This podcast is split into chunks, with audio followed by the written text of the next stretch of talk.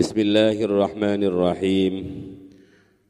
الحمد لله والصلاة والسلام على رسول الله سيدنا وحبيبنا وشفيئنا وقرة أعيننا محمد ابن عبد الله وعلى آله وأصحابه ومواله فلا حول ولا قوة إلا بالله. أما بعد اللهم نور قلوبنا بنور المعرفة وعلم المكاشفة والبصيرة والإيمان والإسلام. يا فتاح يا عليم افتح قلوبنا وقلوب أولادنا وقلوب جميع من طلب في مهدنا ومن نظر مجلسنا هذا بنور المعرفة وعلم المكاشفة والبصيرة والإيمان والإسلام. قال المؤلف رحمه الله تعالى ونفعنا به وبعلومه وأمدنا بأسراره وأعاد علينا ببركاته في الدارين آمين يا رب العالمين والسابع عشر utawi adab ke-17 bagi seorang alim iku ayyutahhirah iku ayu tahira yen to nyucikake sapa alim batinahu ing batini alim summa zahiruhu nuli zahiri alim minal akhlak saking al, al saking akhlak ar-radiati kang rendah Bahasim nulis bahwa kalau orang itu sudah ditakdir dipilih menjadi orang alim yang dilakukan adalah membersihkan batin dan dohirnya. Bahashim mendahulukan batin dibandingkan dohir. Kenapa? Karena ini orang alim, urusan dohir pasti bersih. Tapi urusan batin abot, itu yang pertama. Batin didahulukan dibandingkan dohir. Yang kedua, karena kotornya batin itu lebih berat dibandingkan kotornya dohir. Dan kadang-kadang kotornya batin itu orang itu sendiri tidak sadar kalau dirinya batinnya bermasalah. Maka dia harus berusaha membersihkan batinnya, kemudian dohirnya dibersihkan dari apa? Minal akhlak ar-radi'ah, dari akhlak yang rendah wa yu'ammirah lan ngarameake sapa alim hu ing hu ing hu hu ing batin hu ing batin atau dohir bil akhlak kelawan akhlak al mardiyati kang dineritani setelah orang itu membersihkan batin dan dohirnya dari akhlak rendah maka kemudian diganti dengan akhlak yang diri toy. Ini memang metode tasawuf. Metode tasawuf itu adalah mengosongkan diri dari akhlak yang tidak terpuji setelah bersih kosong baru mengisi dengan akhlak yang terpuji. Istilahnya tahliyah ngosongkan dulu kemudian tahliyah menghiasi. Jadi kosongkan dulu diri ini dari akhlak-akhlak tercela, habis kosong kemudian diisi. Model koyok kolam itu loh. Kolam lele, kolam gurami, kolam opo gitu, ya dibersihkan dulu, kemudian habis itu diisi air yang bersih.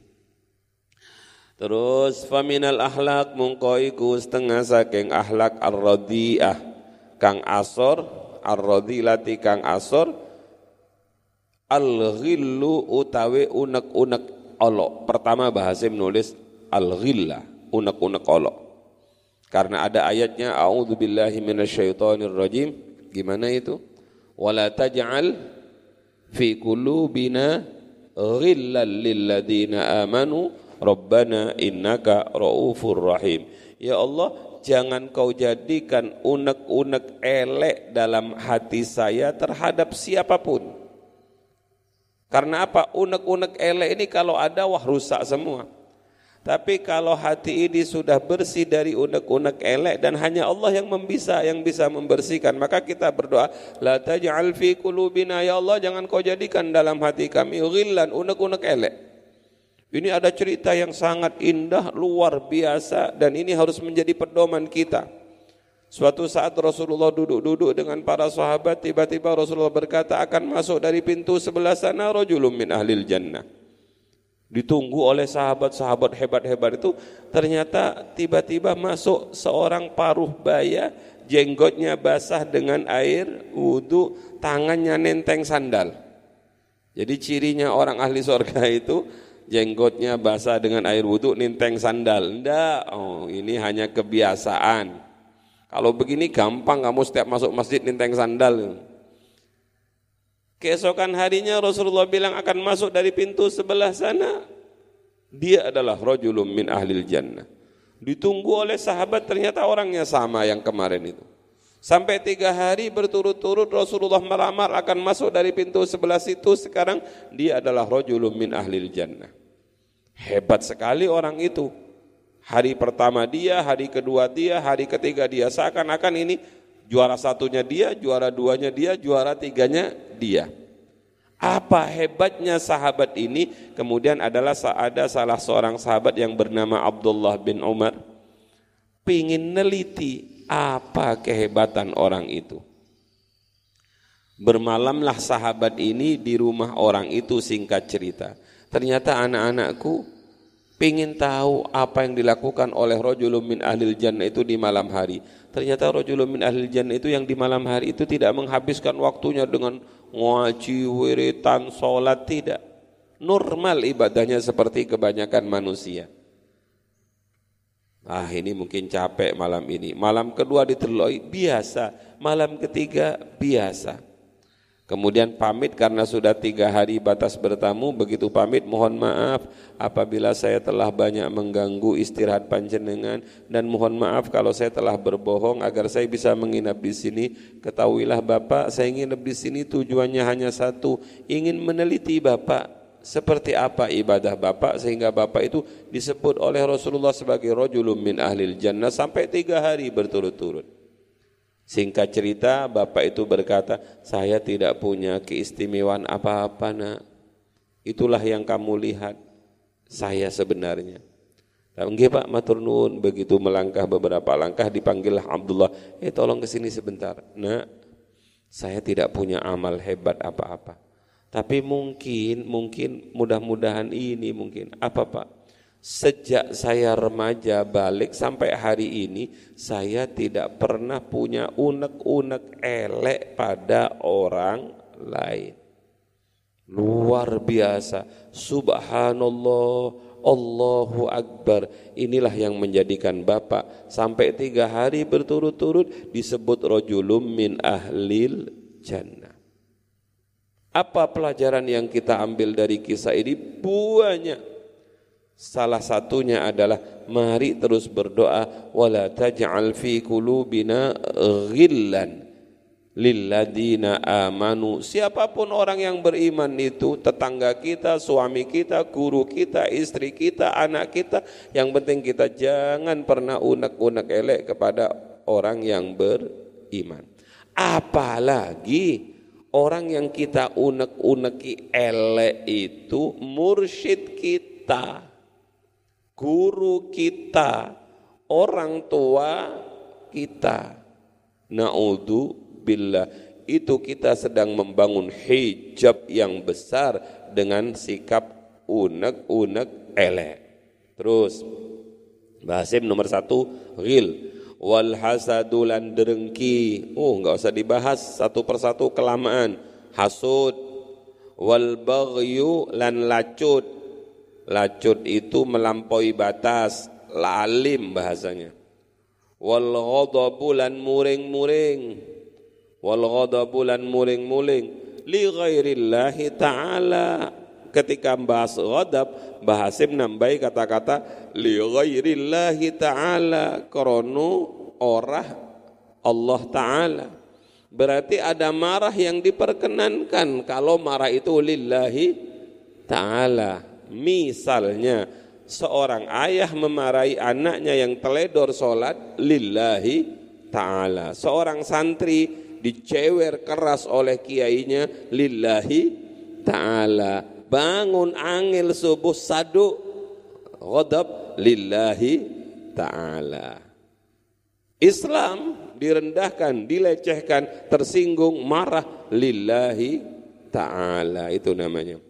Wal ghasyu wal ghasyu lan buju, buju, nipu. Wal kibru lan takabbur. Sifat rendah berikutnya waria ulan ria, pamer olah ikhlas. Wal ujubulan ujub Ujub itu membanggakan diri, ujub. Wasum'atu lan sum'ah. Sum'ah itu apa? Dari kata-kata pendengaran. Memperdengarkan dirinya, kehebatan dirinya kepada orang lain. Saya enggak takabur yo anak-anakku. Saya ini begini-begini ini, kamu tahu enggak? Saya ini wali. Wah ini sum'ah. Ben kamu tahu semua bahwa saya ini adalah wali wali dari Hasan, wali dari Husain, wali dari Bilqis, wali dari Muhsin, wali dari uh, Zahroh. Itu namanya wali murid atau dalam bahasanya wali walidayya warhamhuma kama rabbayani shaghira. Nah, kalau ada orang kadang-kadang mohon maaf, kadang-kadang mohon maaf. Ada orang yang ceramah mulai dari awal sampai akhir itu kipnya bapak apa? Hati-hati ya, hati-hati. Kamu boleh hebat, tapi nggak perlu kehebatan kamu itu disampaikan kepada uh, saya. Alhamdulillah nggak pernah membuat pidato saya, kemudian diedit, kemudian dipotong. Ya. Kalau saya yang buat seperti itu, kemudian saya share ke semua kalian, lihat ya, lihat YouTube saya ini. Nggak usah lah, yang urusan nge-share nge-share itu urusan kawan-kawan karena niat dakwah karena apa? Karena dakwah ngaji begini ini kalau nggak diginikan terbatas yang mending, yang mendengarkan.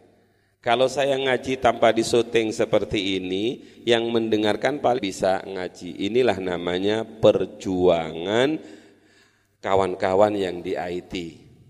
Makanya kita harus berterima kasih kepada kawan-kawan pengumuman anak-anak yang di rumah. Dengar saya enggak? Ini gara-gara yang nyuting ini sampai bisa ngaji. Kamu mau ngasih apa kepada yang nyuting? Berapa orang yang nyuting ini sedang iklan ini? Hmm, kayaknya nggak pernah ngirim buko yang di rumah itu ya. Es wal bukhlu. Eh, dengar ya yang di rumah, dengar ini anak-anak yang di sini sudah mau pulang, belum pernah ngirim buko ke kawan-kawanmu. Kuyon-kuyon, jangan dianggap serius. Wal bukhl angkuh. Bahasanya atau itu angko, angko. Hmm nggak boleh disentuh sedikit. Oh, Wattama'ulan rakus, tama, walfus. Tanafus itu jor-joran. Paham jor-joran? Ya, ya pokoknya jor-joran. Fit dunya ing dalam dunia. Ih, kalah aku gak mau. Mubaha itu unggul-unggulan. Wal pencitraan Pencitraan itu bahasa sederhananya adalah cari muka. Jadi mukanya hilang kemudian dicari gitu loh itu namanya muta. Nah, pencitraan wow menjelang menjelang begitu tuh pencitraannya luar biasa. Ada tim tersendiri yang ditugasi untuk membangun citra. Watazayyunu pokoknya gampangannya semuanya oh bukan karena Allah gitu loh. Bukan karena Allah.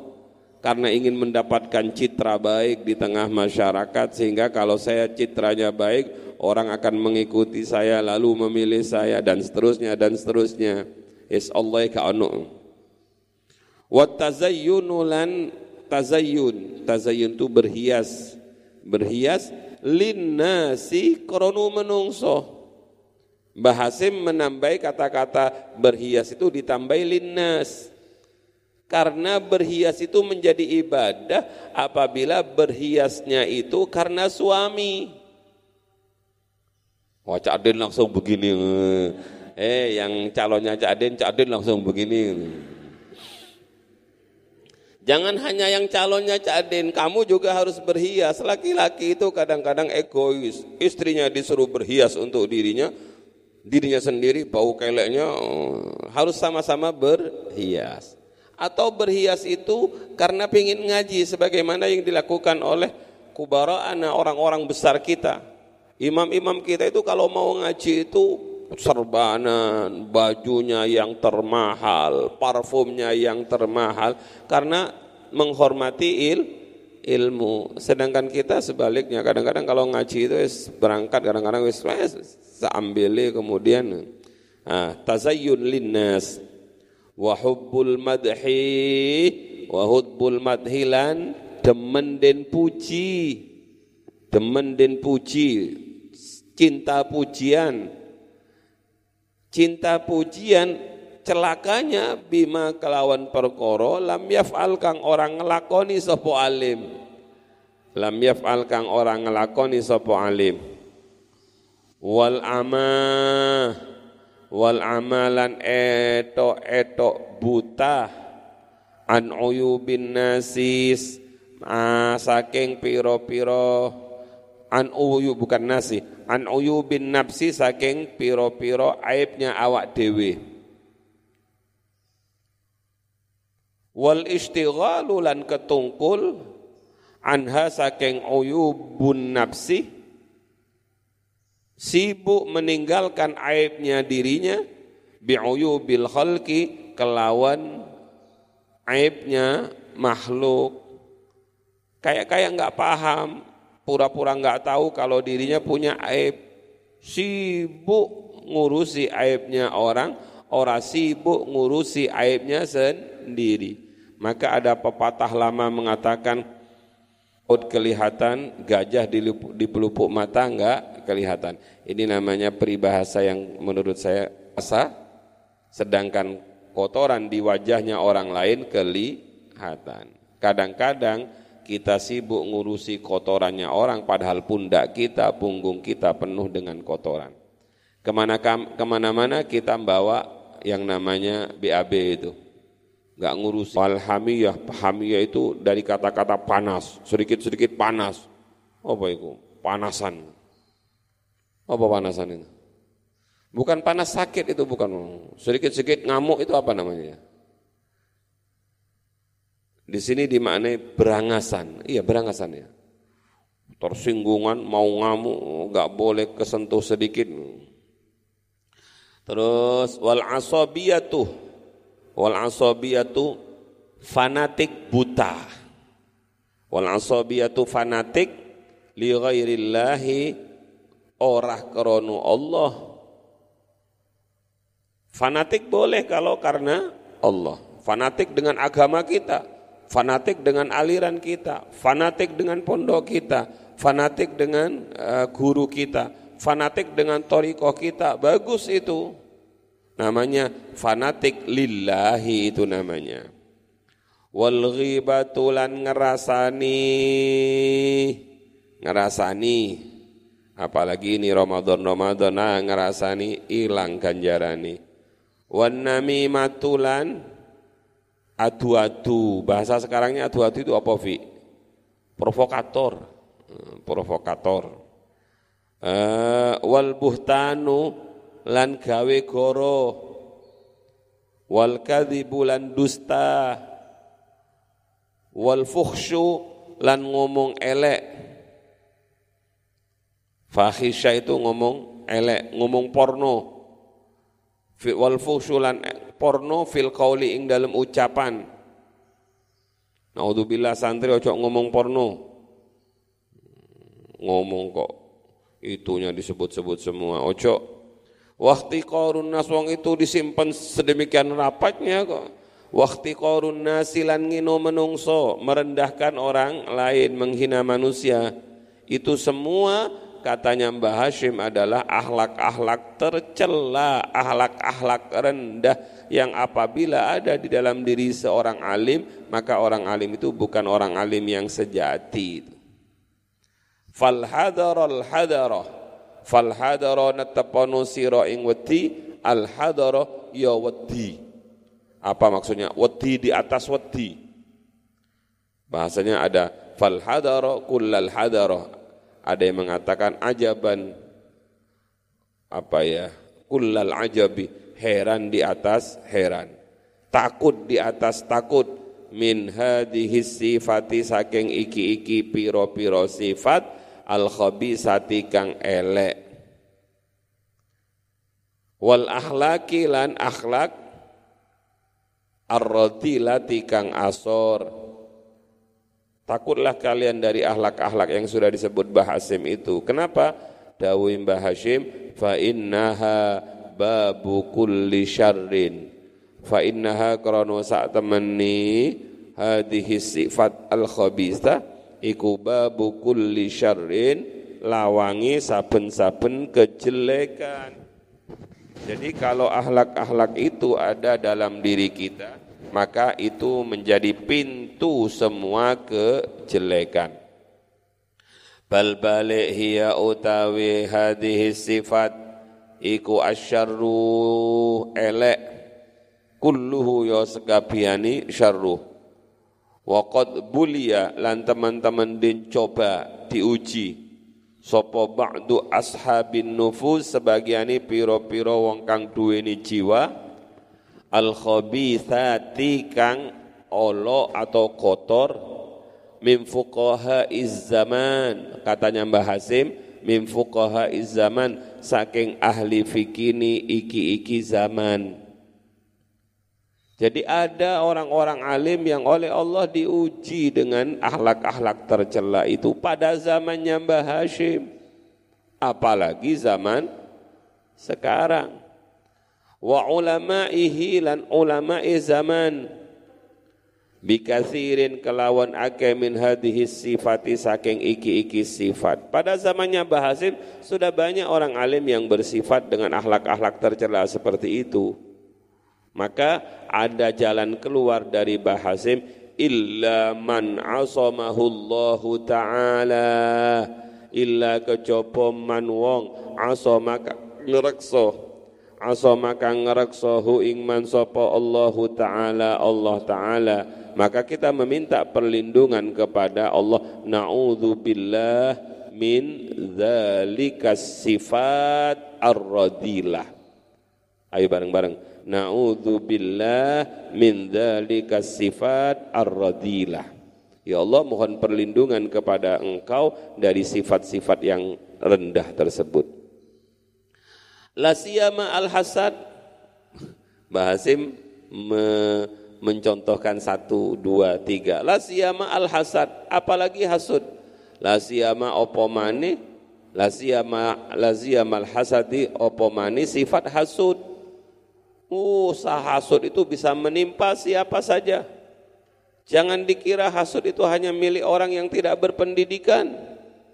Orang yang berpendidikan juga hasud, katanya Mbah Hasim, la siyama al hasad. Orang alim hasud itu ada ndak? Ada. Doktor hasud ada? Ada. Profesor hasud ada? Ada. Makanya Mbah Hasim bilang la siyama al hasadi. Opo mani sifat hasud. Wal ujubi lan sifat ujub. Warriya ilan sifat riya. Wat takabburi lan sifat takab kubur ini menjadi makanan keseharian bagi orang-orang yang tidak dijaga oleh Allah Subhanahu wa taala. Wa adwiyatu hadhil amrad alhamdulillah wa adwiyatu hadhil amrad utawi piro-piro tambani iki-ikilah piro-piro penyakit. Iku mustaufatun. Iku mustaufatun din jabarkan fi kutubir raqaiki. Fi kutubir raqaiki ing dalam kitab kang nerangake halusnya watak. Faman arada tadhira nafsihi minha fa alaihi bitilkal kutub faman mungko utawi sapani wong iku arada ngarepake sapa man tadhira hadhil amra tadhira nafsihi ing membersihkan ing membersihkan jiwa niman minha saking hadhil amrad kalau ada orang yang ingin membersihkan dirinya dari penyakit-penyakit tersebut silahkan kata Bahasim fa'alaihi bitilkal kutub. Fa'alaihi mungkona tepono sopoman bitilkal kutubi kelawan mengkuno-mengkuno kitab silahkan rujuk ke kitab-kitab tasawuf khususnya. Wa min anfa'iha wa altafiha kitabu bidayatil hidayah. Wa min anfa'iha lan iku setengah saking luweh manfaat-manfaate kutub wa altafiha lan luweh lembut-lembuti kutub kitab bidayatil hidayati utawi kitab bidayatul hidayah. Miliknya siapa? Lil imam al-ghazali kedua imam al-ghazali rahimahullahu taala. Beberapa tahun yang lalu kita sudah hatam kitab bidayatul hidayah. Karena kitab bidayatul hidayah itu intisari kecil tidak terlalu tebal. Tapi bidayatul hidayah itu luar biasa bagusnya. Dan itu diakui oleh sekali Mbah anfa'iha wa al tofiha uh, lil Imam Al-Ghazali rahimahullahu taala wa min adwiyatil hasud satu persatu sekarang wa min adwiyatil hasudi hasadi lan iku setengah saking piro lan iku setengah saking obati hasud. Al fikru utawi mikir-mikir bagaimana cara mengobati hasud yang ada dalam diri kita satu kata Jabasim al fikru mikir-mikir. Bi annahu kelawan saat temani hasud iku i'tiradun melawan. Ala Allah ing ngatasi Allah taala. Fi hikmatihi ing dalam hikmani Allah. Al muqtadiyati kang netepake. Tahsisal mahsud ing nentoake piro-piro wong kang din husud din hasuti bin nikmati kelawan nikmat. Itu namanya melawan Allah. Kalau ada orang lain diberi nikmat kenapa kita harus hasud karena yang memberi nikmat itu bukan orang tapi yang memberi nikmat itu adalah Allah Subhanahu wa taala. Kalau ada orang milik nikmat kemudian kita hasud, berarti kita akan nantang Allah. Seakan-akan bilang begini kepada Allah, "Ya Allah, ngapain sampean kok kasih orang itu nikmat? Janganlah ya Allah. Memangnya yang ngatur sampean apa?" Itu namanya i'rad, i'tirad. Bin nikmati kelawan nikmat ma'ama serta ni perkara fihi iku tetep ing dalam fihi iku tetep ing dalam hasud min ta'bil qalbi saking payayati orang itu kalau hasud itu Masya Allah hatinya capek. Ada tetangga beli sepeda motor duk hatinya. Ada kemudian sebulan lagi sepeda motornya uh, nambah mobil beli cherry duk duk. Uh, tetangganya kemudian beli mobil apa misalnya ya? Innova Terakhir tetangganya beli Alphard, dek innalillahi wa inna ilaihi rajiun, mati atau stroke. Itu namanya payah. Orang hasud itu payah. Gak usah hasud katanya Mbah Hashim, minta bil kolbi, payah hatinya. Wa ta'di wa ta'di bihi lan nyiksa ati wa bihi lan nyiksa ati bima kelawan perkara la dharara kang ora ono bahaya iku maujud fihi ing dalem ma alal mahsudi ing ngatasi wong kang den hasuti. Sementara orang yang dihasuti nyantai saja tenang saja. Semakin dihasuti semakin lancar. Sementara yang hasut semakin ngenes. Wa min adwiyatil ujubi iku setengah saking piro-piro tambani ujub bangga diri. Tadak tadakkuru tadakkuru iku ngiling-ngiling anna ilmahu sak temani ilmuni. Ujub itu nak biasanya karena orang itu punya kelebihan. Apa misalnya? Kalau di sini alim karena ini penyakitnya orang alim. Kalau ada orang alim itu ujub kata Mbah Hasim mikir-mikiro anna ilmahu ing sak temani ilmuni alim wa fahmahu lan kefahamani alim. Wa judata dihnihi lan bagusi akali alim. Wa fasahatahu lan fasahai alim. Wa ghaira dzalika lan saliyani mengkunu-mengkunu kabeh ilmu dan akhirihi iku minan ni'ami setengah saking piro-piro nikmat Mi minan na'ami setengah minan na'ami saking piro-piro nikmat iku fadlum minallahi alaihi wa amanatun ladaihi. Iku fadlun anugerah minallahi ta'ala saking Allah ta'ala alaihi ingatasi alim. Wa amanatun lan amanat ladaihi marang sandingi alim. Liar supaya njogo sapa alim ha ing amanat haqqa riayatiha kelawan sak bagus-bagusi sak nyata-nyatani njogo. Bagaimana meng menghilangkan sifat ujub kata Mbah Hasim? Orang alim kok ujub maka kata Mbah Hasim yang harus dilakukan adalah mengingat-ingat bahwa alimnya dia itu, fahamnya dia itu, bagusnya akal dia itu, fasihnya dia itu, dan yang lain-lain sebagainya, itu adalah fadlum minallahi ta'ala alaihi. Itu bukan karena belajarnya dia kok. Berapa banyak orang belajar tidak bisa. Tapi semua itu adalah harus diakui ini adalah fadl dari Allah, anugerah dari Allah untuknya. Di samping itu, di samping fadl adalah amanat titipan dari Allah untuknya. Yang mana dia harus menjaga titipan Allah yang berbentuk ilmu itu dengan sebaik-baik penjagaan. Wa anna mu'tiyaha iyyahu qadirun ala salbiha. Kenapa? Karena kalau kalian kita orang yang alim itu tidak bisa amanat dengan ilmu yang dititipkan oleh Allah, bisa ndak ilmunya itu diambil? Sangat amat bisa. Orang cerdas dibalik oleh Allah menjadi orang gendeng bisa ndak? Amat sangat bisa berapa banyak orang hebat kemudian oleh Allah diambil begitu saja ilmunya, dijadikan setruk oleh Allah. Berapa banyak orang hebat kemudian gara-gara putus asa kemudian gendeng. Itu namanya disalb oleh Allah, diambil oleh Allah titipannya. Kenapa? Karena yang dititipi tidak amanat. Sebagaimana saya nitipkan sepeda motor kepada kalian.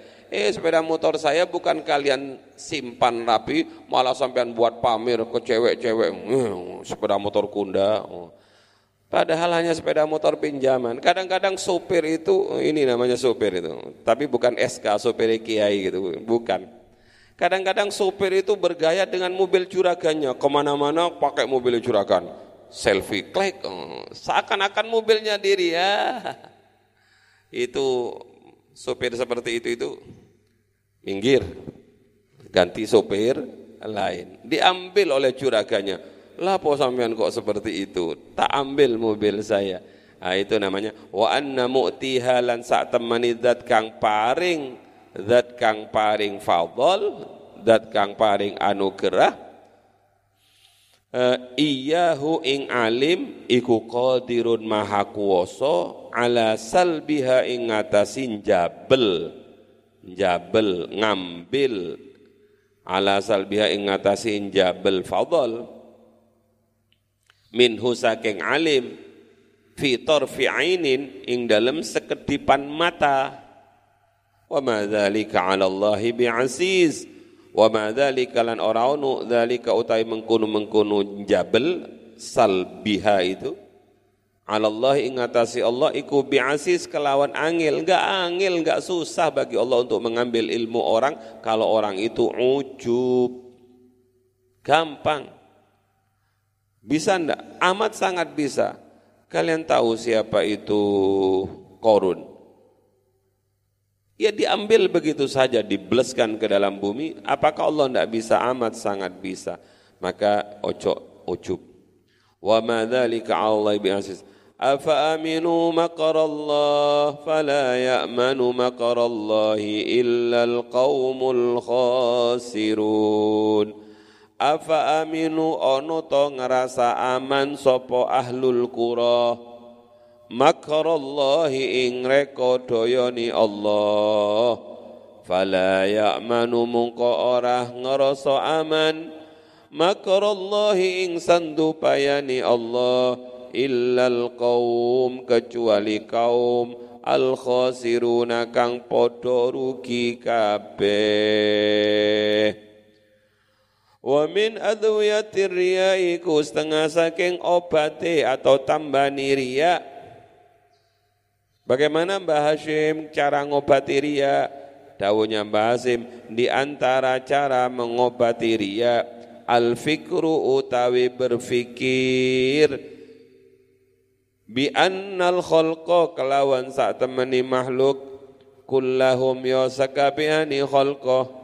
Iku la yaqdiruna ora kuwasa sapa khalqa ala nafihi ing ngatasi manfaati alim. Bima kelawan perkara lam yaqdi kang ora masteake hi ing ma sapa Allahu Allah lahu kedue alim. Wala ala dhararihi lan ora ing ngatasi bahayani alim. Bima kelawan perkara lam yuqaddir kang ora nagdir. Hu ing ma sapa Allahu Allah alaihi ing ngatasi alim.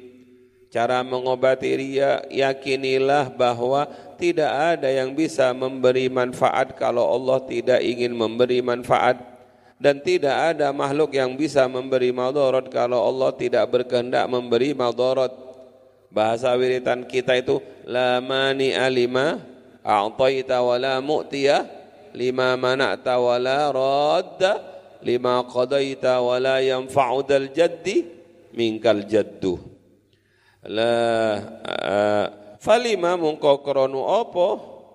Yahbitu ngelebur sapa alim amalahu ing amali alim. Eh apa yang didapatkan oleh orang ria itu?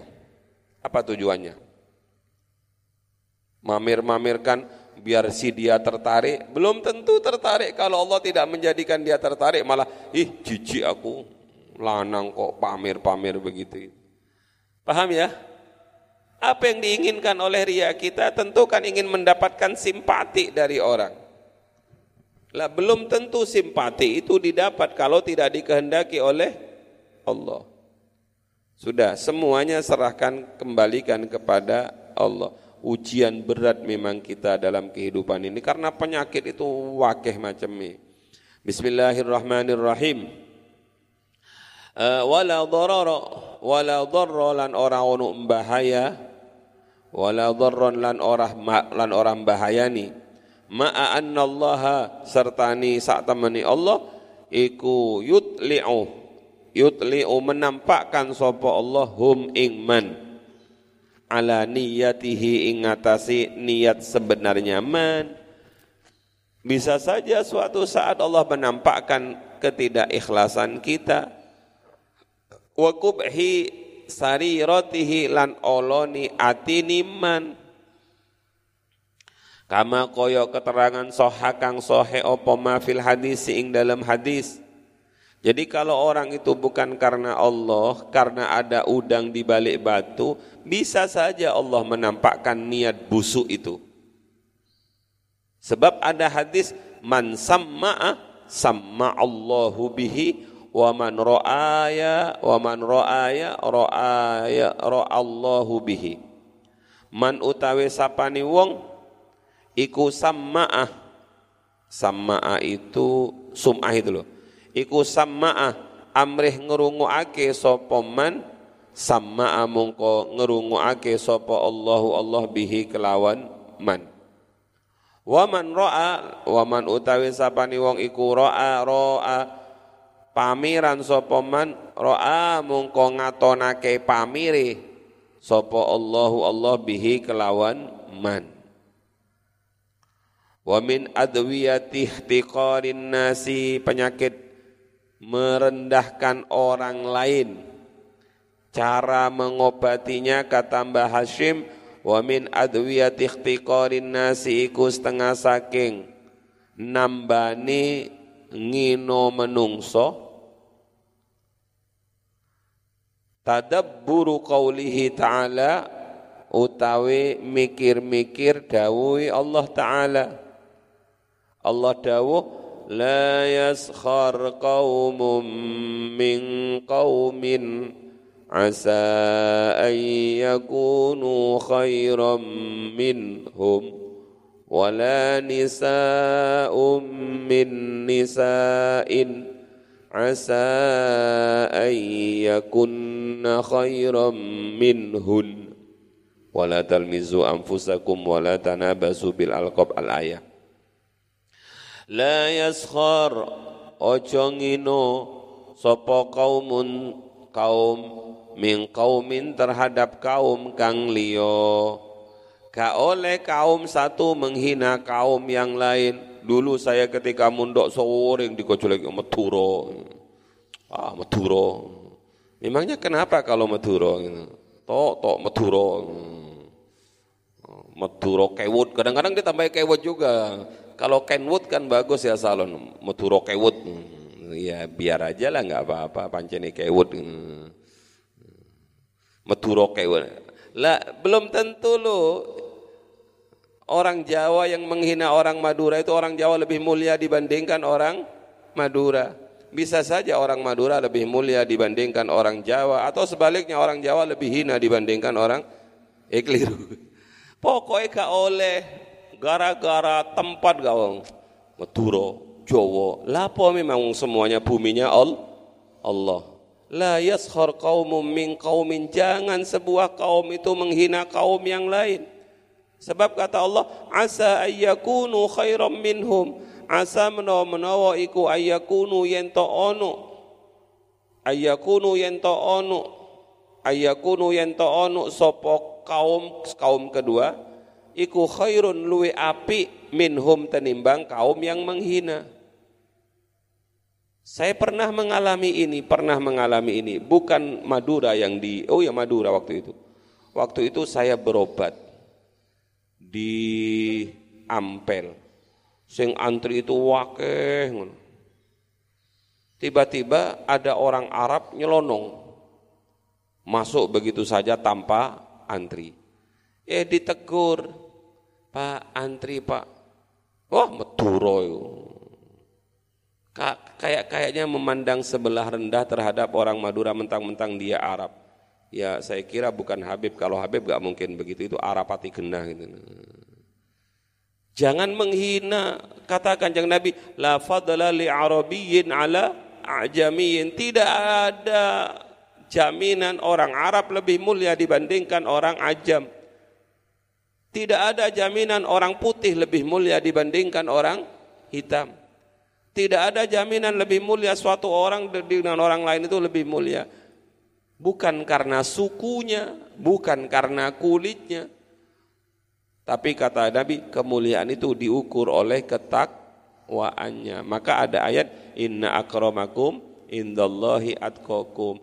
Pokoknya ojo lah, jangan pernah menghina orang lain. Jangan pernah menghina komunitas yang lain. Enggak ada gunanya menghina itu. Bisa saja yang dihina itu lebih baik. Wa qawlihi ta'ala lan firmani Allah ta'ala إنا خلقناكم من ذكر وأنثى وجعلناكم شعوبا وقبائل لتعارفوا إن أكرمكم عند الله atqakum ini yang harus dijadikan pedoman inna saat temani ingsun Allah iku khalaqna. Kadang-kadang maaf, kadang-kadang orang itu kenapa? Inna khalaqnakum min dzakari wa unsa. Inna sa'tamani ingsun Allah iku khalaqna ciptaake sapa ingsun Allah kum ing sira kabeh min dzakarin saking wong lanang wa unsa lan wong wadon Jangan menganggap laki-laki itu otomatis lebih mulia dibandingkan perempuan. Sebab di akhir ayat itu Allah menegaskan inna akramakum indallahi atqakum. Bisa saja yang perempuan lebih mulia dibandingkan laki-laki. Tapi laki-laki kan begini, eh begini-begini itu bukan kamu usaha, tapi laki-laki kan kuat. Kamu nggak nggak dapat usaha kok itu. Kekuatan itu adalah pemberian dari Allah. Pokoknya jangan pernah menghina. Jangan pernah menghina. Laki-laki menghina perempuan, jangan perempuan cantik menghina laki-laki. Kak nguco ta Mas, nggoda aku sampe niku. Wajah ditekuk-tekuk koyok ngono. Eh, tuh, tuh, tuh. Saya pernah diceritani kuyon biar gak terlalu serius. Ada seorang kawan saya hanya sekedar bertanya kepada perempuan. Mbak mohon maaf, saya mau tanya. E, pertanyaannya itu sederhana, tapi di atas kereta. Karena kawan itu katanya tidak terlalu tampan, sedangkan yang ditanya itu oh, cantik, gitu. langsung. Kak Sudi. Akhirnya oleh yang laki-laki itu diambil pakai sapu tangan ludahnya itu. Seret. Gimana matur nun. Digowo mulih, diwirit. Diwirit, ludahnya ikut diwirit. Nik selirani turu ngadek no, nik ngadek tekok no, tekok no, tekok no, la haula wala quwata illa billah. Semar misam, semar mendem, semar kepedesan. Wes mangkel dia karena dihina seperti itu. Wah, itu namanya dilecehkan, hmm, diwirit, teko Mas tolong kawini aku, kawini aku. Ojo menghina orang lah sudah. Jangan menghina orang, sebab yang dihina itu bisa saja lebih mulia dibandingkan kita. Laki-laki enggak boleh meremehkan perempuan, perempuan enggak boleh menghina laki-laki karena semua makhluk Allah. Gampangannya sederhana nak, sederhana. Contoh jangan menghina orang itu. Saya punya anak Husen. Husen ini hasil karya saya gitu ya misalnya. Misalnya, tapi ini kan pemberian dari Allah. Kamu hina Husen ini saya tersinggung enggak? Tersinggung. Husen sampean sakiti, saya tersinggung sebagai ayahnya. Saya hanya sebagai ayah, bukan pemilik Husen. Bagaimana kalau sang pemilik Husen ini yang tersing singgung? Siapa itu? Allah Subhanahu wa taala. Saya menulis dulu senengannya Husain itu ngelukis. Ngelukis, lukisannya nggak ketemu nggak ketemu arahnya begitu itu. ketika kecil maklum ketika kecil, saya tanya, apa ini gambarnya? Langsung saya nak, oh nah, welek men lukisanmu itu lukisan macam apa itu? Tersinggung enggak dia? Ngambek dia. Tapi kalau saya tanya, bagus sekali lukisanmu. Padahal wat wat wat wat gitu. ini apa nak? Wiki aku sedang touring bang hmm. terus ini kok ono jeblok jeblokin lah di sini saya jatuh. Oh.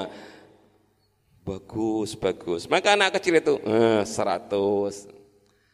Kalau yang dihina itu adalah makhluk Allah yang menciptakan Allah maka sang pencipta itu tidak akan terima apabila ciptaannya dihina Makakah maka apakah pertanyaannya apakah kita diciptakan oleh Allah untuk menghina orang lain? Tentu tidak kan. Di balik keterbatasan seseorang pasti Allah memberikan kele kelebihan. Di balik kelebihan seseorang pasti ada keterbatasan. Yang paling bagus adalah melihat orang lain dari sisi kelebihan, melihat diri kita dari sisi kekurangan. Jangan dibalik melihat orang lain dari sisi kekurangan, melihat diri dari sisi kelebihan. Terus nah, ingat inna akramakum ayo bareng-bareng inna akramakum indallahi atqakum yang paling mulia di sisi Allah bukan berdasarkan suku, bukan berdasarkan bangsa, bahkan bukan berdasarkan Arab atau non Arab, bukan berdasarkan kulit wajah, bukan berdasarkan mata sipit, mata belala, bukan, tapi semuanya akramakum indallahi atqakum. Yang ketiga, wa qawluhu ta'ala lan firmani Allah ta'ala fala tuzakku anfusakum huwa a'lamu biman ittaqa. Fala tuzakku mungko ojo muji-muji sapa sira kabeh. Anfusakum ing awak sira kabeh huwa utawi Allah iku a'lamu luweh ngerti sapa Allah biman kelawan wong ittaqo kang takwa sapa man Fala tuzakku anfusakum. Kamu jangan membersih-bersihkan dirimu. Menganggap dirimu paling alim, menganggap dirimu paling pintar, menganggap dirimu paling bersih.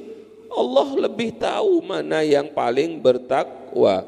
Ayo ikuti. Fala tuzakku. Ayo. Fala tuzakku anfusakum huwa a'lamu bimanit tako. Terusannya, farubbama terkadang Kana ono sopo al muhtaqor diharokati kofnya. Sopo al muhtaqor wong kang den hina iku atharu luweh bersih luweh bersih apa nih kolban atini? Luweh bersih apa nih kolban atini? Indallahi munggui Allah. Wa askalan luweh suci. Apa nih amalan amale wa akhlasolan luweh ikhlas. Apa nih niatan niate apa nih niatan niate ya Allah kalau kita melihat kadang-kadang kita ngaji pengajian uh, ditimbali oleh Riyadul Jannah. Saya yang ceramah misalnya. Saya yang ceramah. Tapi begitu melihat orang yang ada di depannya itu, gak perlu diceramai. Kenapa? Karena mereka sudah ahli solawat. Mereka datang mulai jam berapa yang di sini itu? Asar sudah datang duduk sampai jam setengah dua belas, gak pipis, gak ngapa-ngapain, hanya duduk terus bersolawat, berzikir. Sementara yang ceramah, suruh duduk mulai asar sampai isya, pasti. Maka ketika ada di atas itu kadang-kadang, ya Allah ini gak kebalik tah. Seharusnya mereka yang memberi nasihat. Makanya nasihat itu ada dua, nak. Ada nasihat itu bil qaul, ada nasihat itu bil hal. Dalam bahasa kita itu lisanul hal, dan lisanul makol. Kalau hanya sekedar ngomong cengeng, fadilah solawat, siapa yang membaca solawat satu, maka fadilahnya seperti ini. Siapa yang membaca solawat, hmm. yang dipidatoni itu orang yang solawatannya mulai tuhur sampai subuh. Yang pidato nggak tahu sholat, solawatan fala tuzakku anfusakum huwa a'lamu biman ittaqa farubbama kana al muhtaqaru adharu qalban indallah wa azka amalan wa akhlasa niyatan.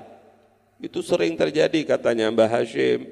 Uh, adharu qalban indallah. Wa azka lan luwe suci apani amalan amale. Wa akhlasolan luwe ikhlas apani niatan niate kama koyok keterangan kila kang din ucapake opo kila kang din ucapake opo syair. La tahtakir gimana ini? Coba siapa yang bisa?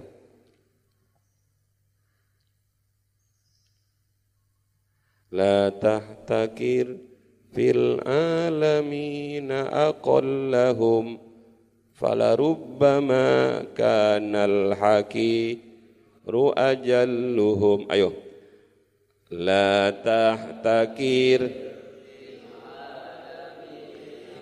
أقلهم فلربما كان الحكير أجلهم Wah, saya enggak terlalu mahir dalam urusan syair karena saya belajar kepada ibunya Hasan.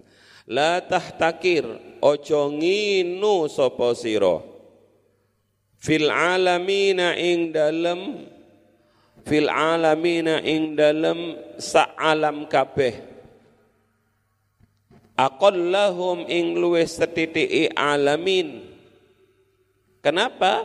Fala rubbama mungko terkadang kana ono sopo al hakiru wong kang ino iku ajallahum luweh agung-agungi hakir eh luwe agung-agungi alamin. Luwe agung-agungi alamin. Terakhir wa ini yang harus kamu hati-hati sebab wa yuqalu lan den katakan innallaha akhfa salasatun fi salasatin. Innallaha sa'tamani Allah sesungguhnya Allah iku akhfa merahasiakan sapa Allah nyamarake sapa Allah salah satan ing wong telu atau perkara telu. Fi satin ing dalam perkara telu kang liya. Allah merahasiakan tiga hal di dalam tiga hal yang lain. Yang pertama waliyuhu fi ibadihi. Waliyuhu rupani waliyuhu kekasih Allah walini Allah fi ibadihi ing dalam hamba-hamba ni Allah jangan gampang ojo sok-sok menghina orang karena apa? Karena Allah merahasiakan walinya di tengah masyarakat. Bisa-bisa orang yang kau hina itu adalah walinya Allah. Berapa banyak orang ketika ditemui Nabi Khidir, dia justru menghina Nabi Khidir. Berapa banyak orang yang ditemui oleh orang gila, dia menghina orang gila itu. Padahal kadang-kadang orang itu mau nutupi dirinya yang disebut dengan mastur kan, ditutup. Menutupi dirinya sebagai seorang wali. Maka nih ketemu wong gila itu jangan gendung, gendung, gendung. Eh belum tentu, bahkan dia mungkin lebih waras dibandingkan yang bilang gendeng. Sebab dia itu mungkin saja walinya Allah, tapi ya kamu gak usah terlalu wali, wali, wali. Ya gak usah Pokoknya ojo menghina orang, no, no komen saja. Allah bisa merahasiakan walinya di hamba-hambanya Allah. Ada orang 40 seperti ini, pasti ada satu wali. Sopo, embo, bisa-bisa kamu, bisa saja kamu, kok potongannya koyok wali gitu ya. Iya, bisa-bisa Cak Adin bisa, bisa juga Faruk, bisa juga Jalbul, Ya pokoknya jangan-jangan di antara kita ada satu yang wali. Hei maaf pengumuman yang merasa dirinya wali ya, tolong doakan kita gitu. Yes, pokoknya ojo menghina orang ya. Yang kedua, waridahu fi ta'atihi.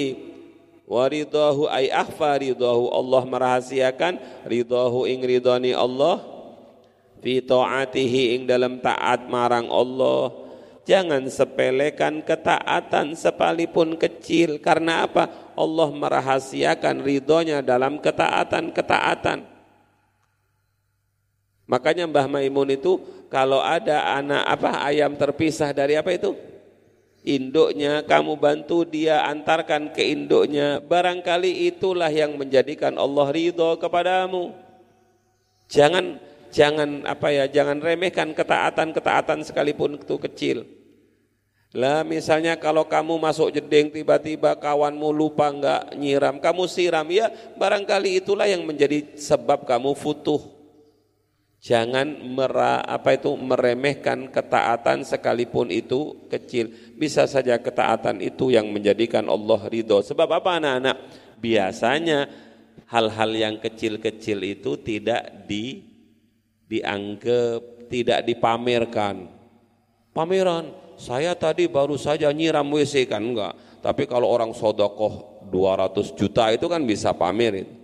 Yang kecil-kecil itu bisa saja yang diridhoi oleh Allah Subhanahu wa taala. Ngeresi masjid, kono telek diresi, itu mungkin saja itu yang akan menjadikan hati kita dibersihkan oleh Allah. Terus wa dan Allah merahasiakan murkanya fi ma'asihi ing dalem piro-piro duraka ing Allah jangan gampang-gampang meremehkan kemaksiatan karena apa? Murkanya Allah itu disimpan dalam maksiat. Maksiat mana? Ya kita ndak tahu. Semoga bersamaan dengan hidayahnya Allah Subhanahu wa taala.